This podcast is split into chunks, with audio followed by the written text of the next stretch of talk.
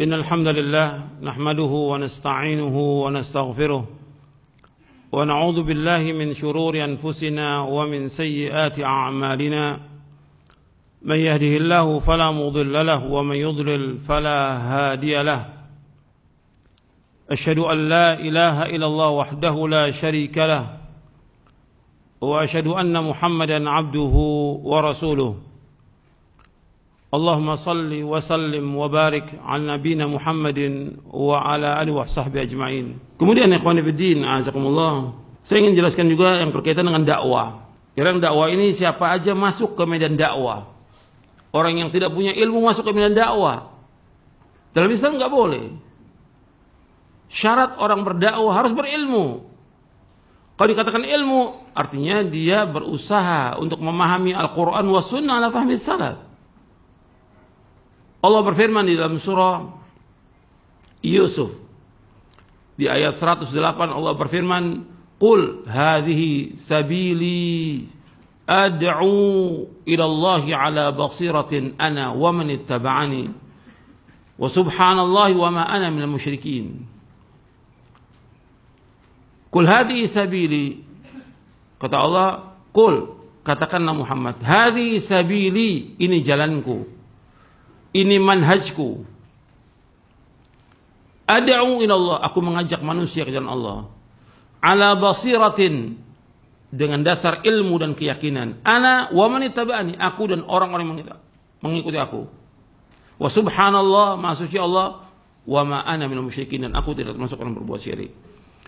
Allah menyebutkan dalam ayat ini agar kita berdakwah mengajak manusia ke jalan Allah.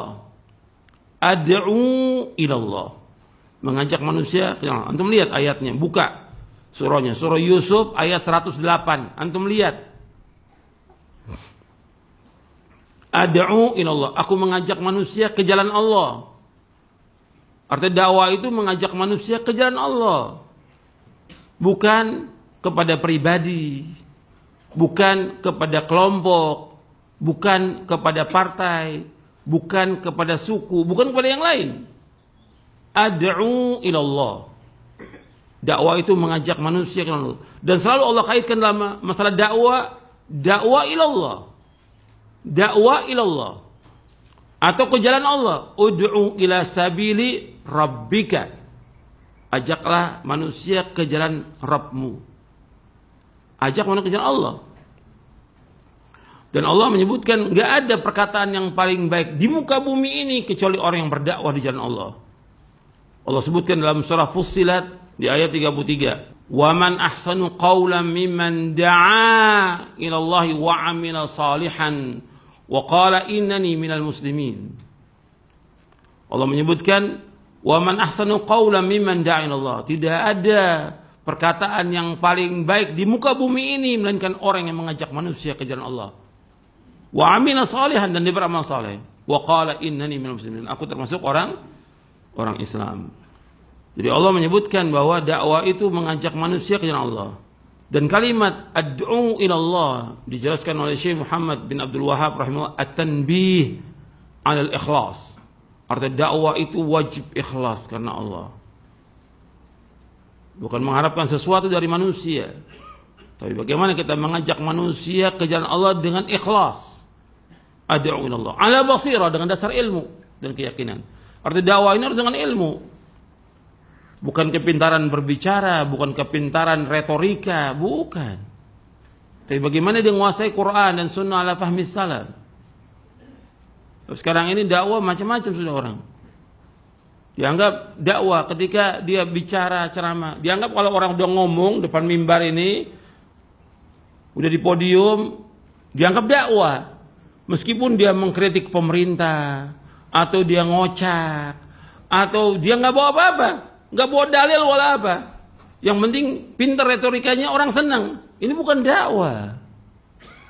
Dakwah itu mengajak manusia kepada Allah. Yang pokok dalam dakwah mengajak manusia untuk mentauhidkan Allah, menjauhkan syirik. Itu dakwah namanya. Itulah yang didakwakan oleh para anbiya wa rasul alaihi wassalam. Wa laqad ba'atna fi kulli ummatin rasulan an i'budullah wajtanibu tagut. Dan sungguh kami telah utus pada setiap umat seorang rasul, setiap rasul dakwanya an i'budullah. Adalah kalian semua beribadah kepada Allah. Wajtanibu tagut, jauhkan tagut. Jauhkan semua yang disembah oleh manusia kepada selain Allah. Jauhkan mereka itu. Itu dakwah. Arti dakwah itu mengajak manusia ke jalan Allah. Bukan dakwah itu ngocak, bukan jalan-jalan. Dianggap sekarang rusak nih dakwah. Main sepeda dianggap dakwah. Main motor dianggap dakwah. Lah Dianggap main-main agama ini oleh mereka. Enggak boleh dalam Islam. Dakwah itu keseriusan, kesungguhan. Dan Nabi yang mengatakan demikian SAW. Ihris ala ma yanfa'uka wasta'in billah wa la ta'jaz. Berkemauan keraslah kepada yang bermanfaat bagi kamu. Minta tolong kepada Allah, jangan lemah. Nabi yang suruh sungguh-sungguh dalam kita berdakwah ini. Bukan main-main. Bukan ketawa. Bukan ngocak dakwah ini. Bukan mengajak kepada kelompok, bukan. Tapi bagaimana kita menegakkan agama ini. Dan dia tujuan dakwah. Anda catat, ada tiga tujuan dakwah. Yang pertama, supaya tidak ada alasan bagi manusia di hadapan Allah Subhanahu wa taala. Supaya tidak ada alasan bagi manusia di hadapan Allah Subhanahu wa taala. Allah berfirman dalam surah An-Nisa di ayat 165, "Rusulan mubasysyirin wa mundzirin li'alla yakuna lin-nasi 'ala Allah hujjatun ba'da ar-rusul wa kana Allahu 'azizan hakima." Allah berfirman dalam surah An-Nisa ayat 165, rusulan mubasyirin wa mundzirin li'alla yakuna lin-nasi 'ala Allah hujjatun ba'da rusul wa kana. Rasul-rasul yang memberikan kabar gembira dan mengancam supaya tidak ada alasan lagi manusia di hadapan Allah sesudah diutusnya para rasul alaihi wassalatu wassalam dan adalah Allah itu maha gagah dan maha bijaksana. Arti rasul-rasul yang diutus oleh Allah memberikan kabar gembira. Dengan apa? Dengan sorga.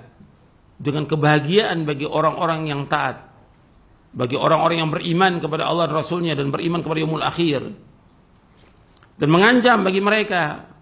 Kalau mereka tidak masuk ke dalam agama Islam, tidak beriman, mereka akan diazab oleh Allah. Akan dimasukkan ke neraka. Selalu tuh, dai itu antara dua. Memberikan kabar gembira dan mengancam. Bashir wa nadhir.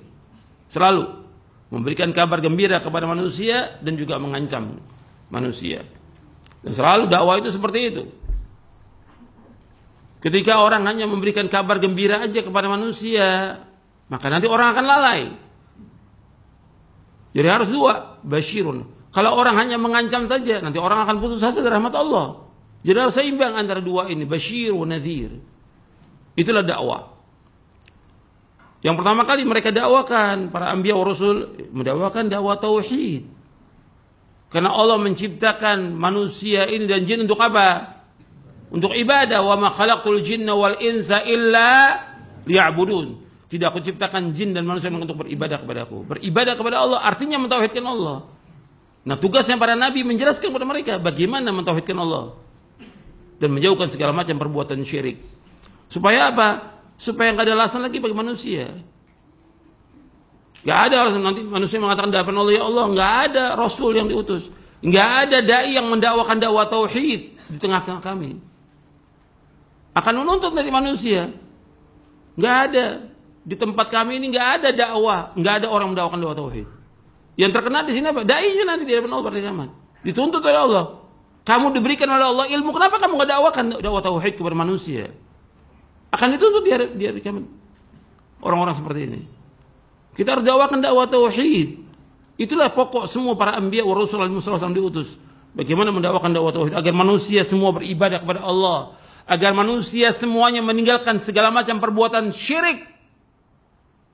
Karena syirik ini menghapuskan seluruh amal. Dosa besar yang paling besar, kezaliman yang paling zalim, kemungkaran yang paling mungkar di muka bumi. Dan menghapuskan seluruh amal dan tempatnya neraka kekal dalam neraka selama-lamanya orang yang berbuat syirik. Maka ini dakwah. Jadi harus kita berusaha bagaimana menegakkan dakwah tauhid ini di depan umat ini. Itu yang paling pokok. Bukan yang lain. Dan yang dakwah tadi saya sebutkan adalah orang-orang yang berilmu. Orang yang berilmu. Orang yang nggak berilmu nggak boleh masuk di medan dakwah ini. Ini akan merusak. Orang yang bodoh akan merusak seperti yang dijelaskan oleh para ulama tentang masalah ini.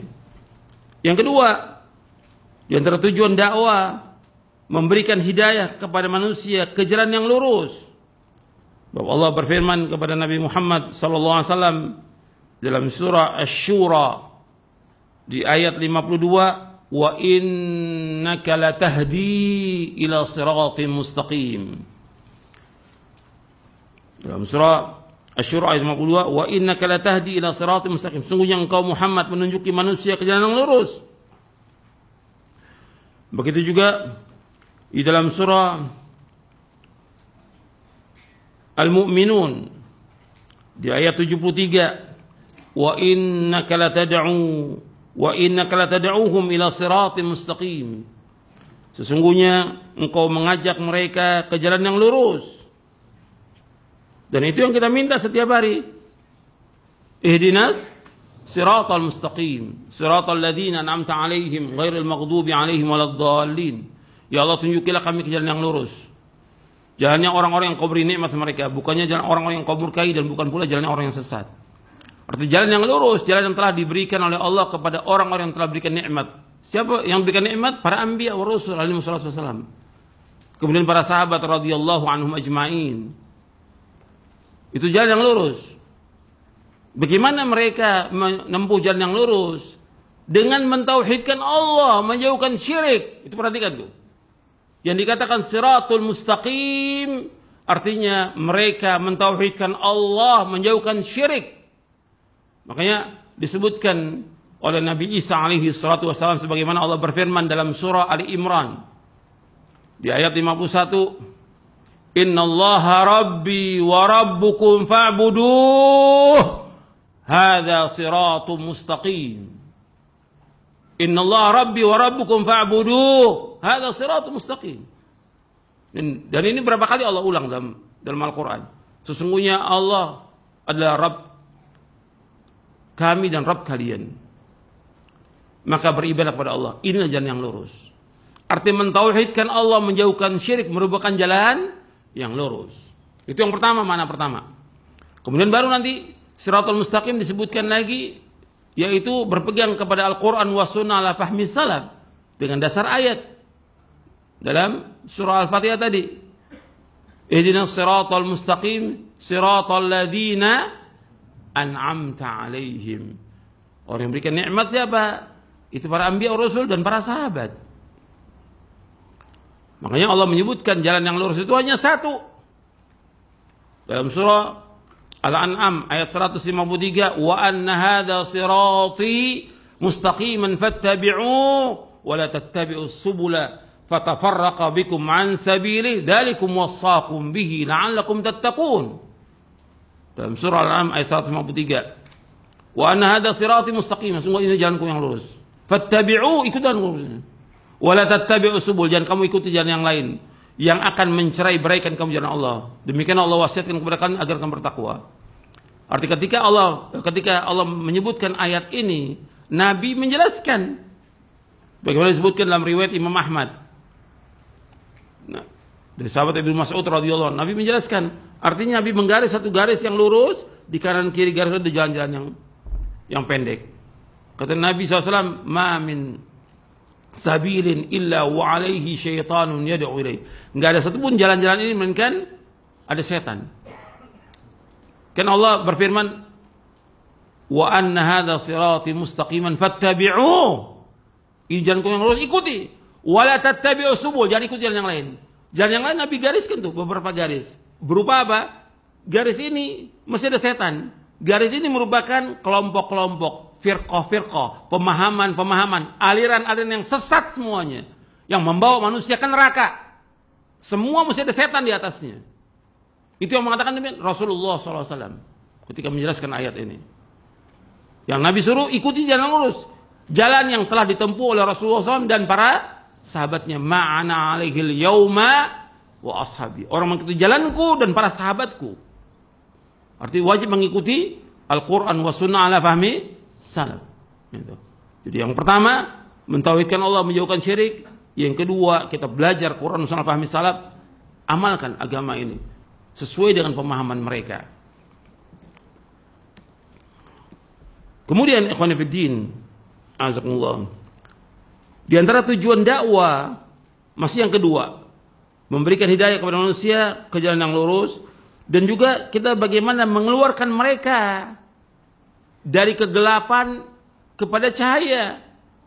Allah berfirman di dalam surah Ibrahim Alif Lam Ra Kitabun anzalnahu ilaika litukhrijan nasa minadh dhulumati ila nur biidzni rabbihim ila siratil azizil hamid Di awal surah Ibrahim, di awal surah Ibrahim Alif Lam Ra. Kitabun anzalna ilaika. Kitab yang kami turunkan kepadamu Muhammad litukhrijan nasa minadh-dhulumati nur. Agar engkau mengeluarkan manusia dari kegelapan kepada cahaya biidni rabbihim dengan izin Rabb mereka ila siratil azizil hamid kepada jalan Allah yang maha gagah dan maha terpuji.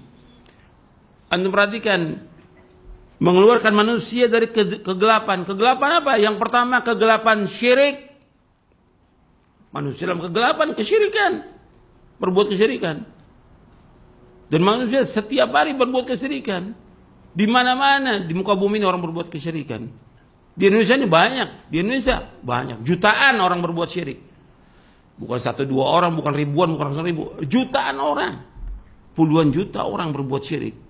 Kewajiban para dai bagaimana menyelamatkan mereka agar mereka keluar dari kegelapan syirik kepada cahaya tauhid.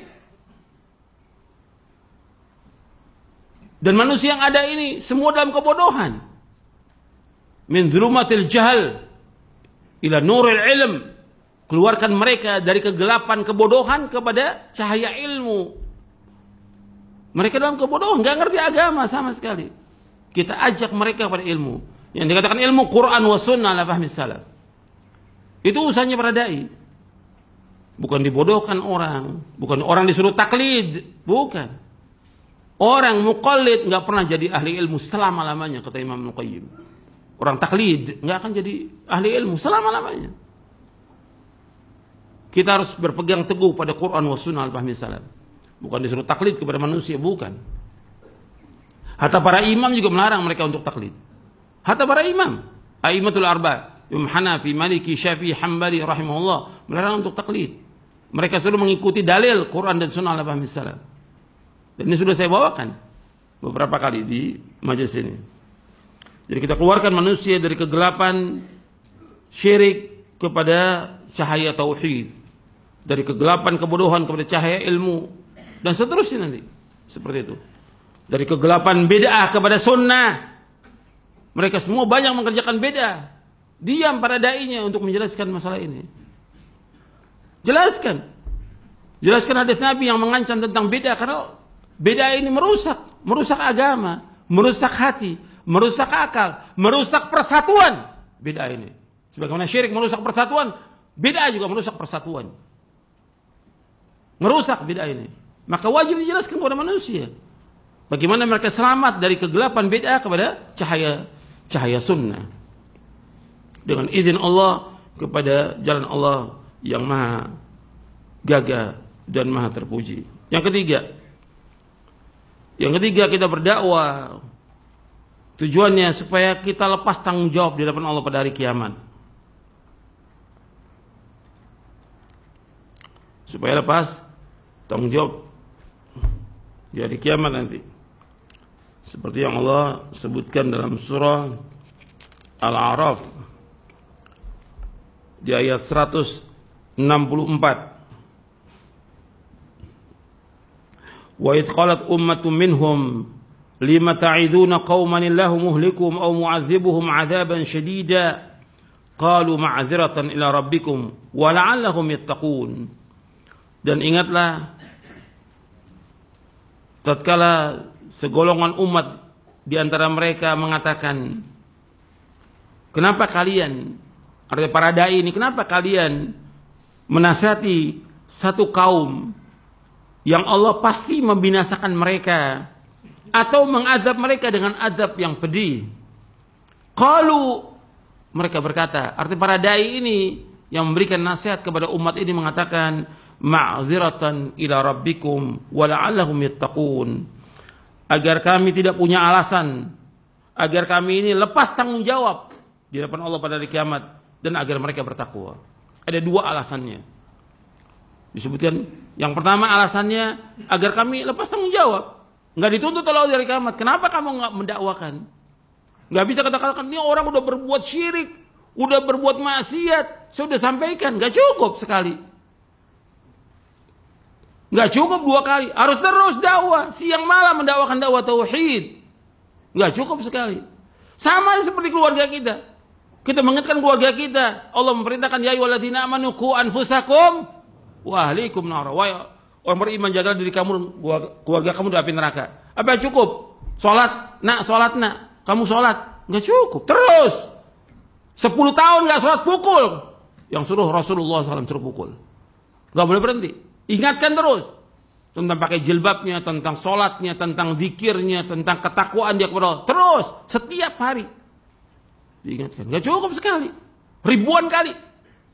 Sama seperti ini. Ini umat udah berbuat syirik, berbuat kita udah nasihati, terus nggak berhenti. Supaya apa? Yang pertama, ma'adziratin rabbikum. Supaya kita nggak punya alasan lagi. Artinya kita lepas tanggung jawab dari Allah. Bahwa kita udah nasihati. Yang kedua, yaitu wala'alam yatakun. Mudah-mudahan mereka takwa.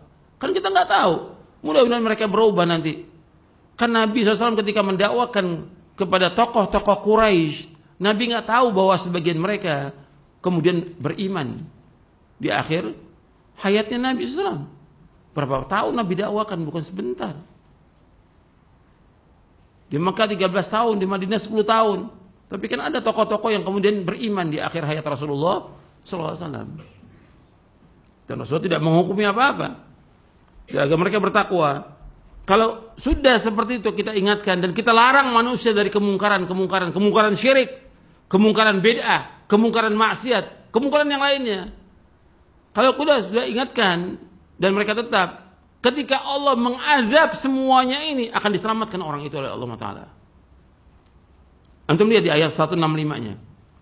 Falamma nasu ma dzukiru bihi anjayna alladhina yanhauna 'anis su' wa akhadna alladhina zalamu bi'adzabin ba'isim bima kanu yafsuqun.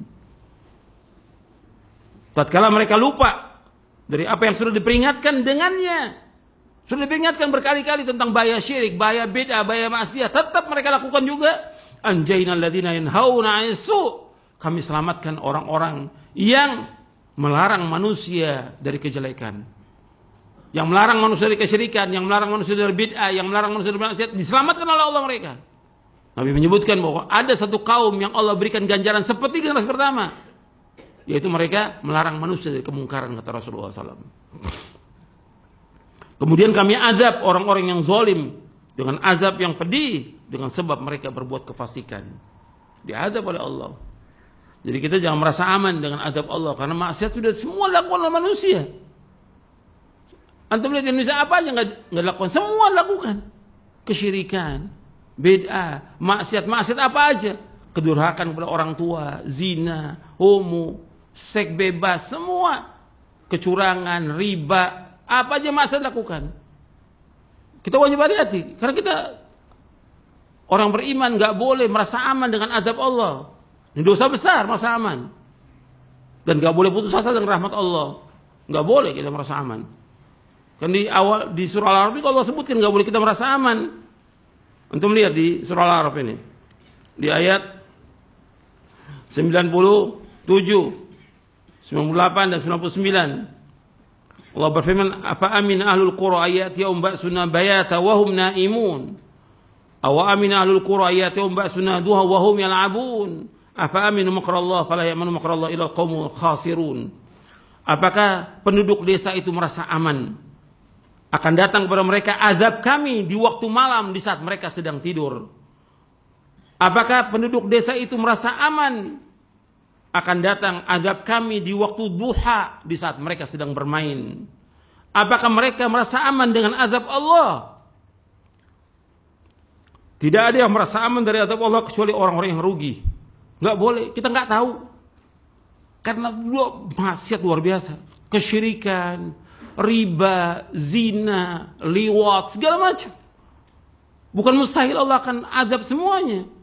Kan ditanya oleh seorang istri Nabi SAW dalam hadis yang sahih yang diriwayatkan oleh Imam Bukhari Muslim, Ya Rasulullah, anahliku wa fina salihun. Apakah kita akan dibinasakan oleh Allah? Sedangkan di antara kita ada orang-orang yang soleh. Naam, idza kathrul khabath kata Iya, kalau sudah banyak semua kerusakan yang ada, Allah akan azab semuanya. Antum hati-hati dalam masalah ini. Maka dai tetap mendakwakan yang hak ini kepada manusia. Antum lihat lagi di surah Al-Anfal. Supaya kita hati-hati. Karena peringatan-peringatan sudah sudah banyak dan Allah sudah ingatkan dalam Al-Qur'an dan manusia sudah baca tapi tetap mereka masih melanggar. Antum lihat di surah Al-Anfal ayat 25. Wattaqu fitnatan la tusibanna alladhina zalamu minkum khassah wa'lamu anna Allah syadidul iqab. Hendaklah kalian takut kepada fitnah. Artinya azab Allah yang tidak menimpa hanya kepada orang-orang zalim saja di antara kalian. Ketahuilah bahwasanya Allah itu sangat keras siksanya. Artinya azab itu akan mengenai semuanya. Semua manusia. Semua atau orang soleh pun akan kena azab itu. Ketika banyaknya kemungkaran. Dan kemungkaran yang paling mungkar di muka bumi syirik. Yang kedua beda. Yang ketiga banyak lagi yang lain. Kemungkaran yang dilakukan manusia ini. Ribuan kemungkaran. Makanya kita harus terus nggak boleh berhenti berdakwah karena Allah. Ikhlas karena Allah. Dan dakwakan dengan tauhid. Harus serius dakwah, nggak bisa main-main. Jangan orang diajak main-main, jangan. Antum berdosa nanti. Berat hukumannya dunia dan akhirat. Kita harus serius mendakwakan ini. Karena ini menyelamatkan umat dari azab Allah Subhanahu wa taala. Dan kita pahalanya besar, orang yang mengingkari kemungkaran pahalanya besar. Dan semua harus dilakukan karena Allah taala. Sementara sampai di sini dulu mudah-mudahan bermanfaat. Wassalamualaikum Muhammadin sallallahu alaihi wa ala alihi wasallam.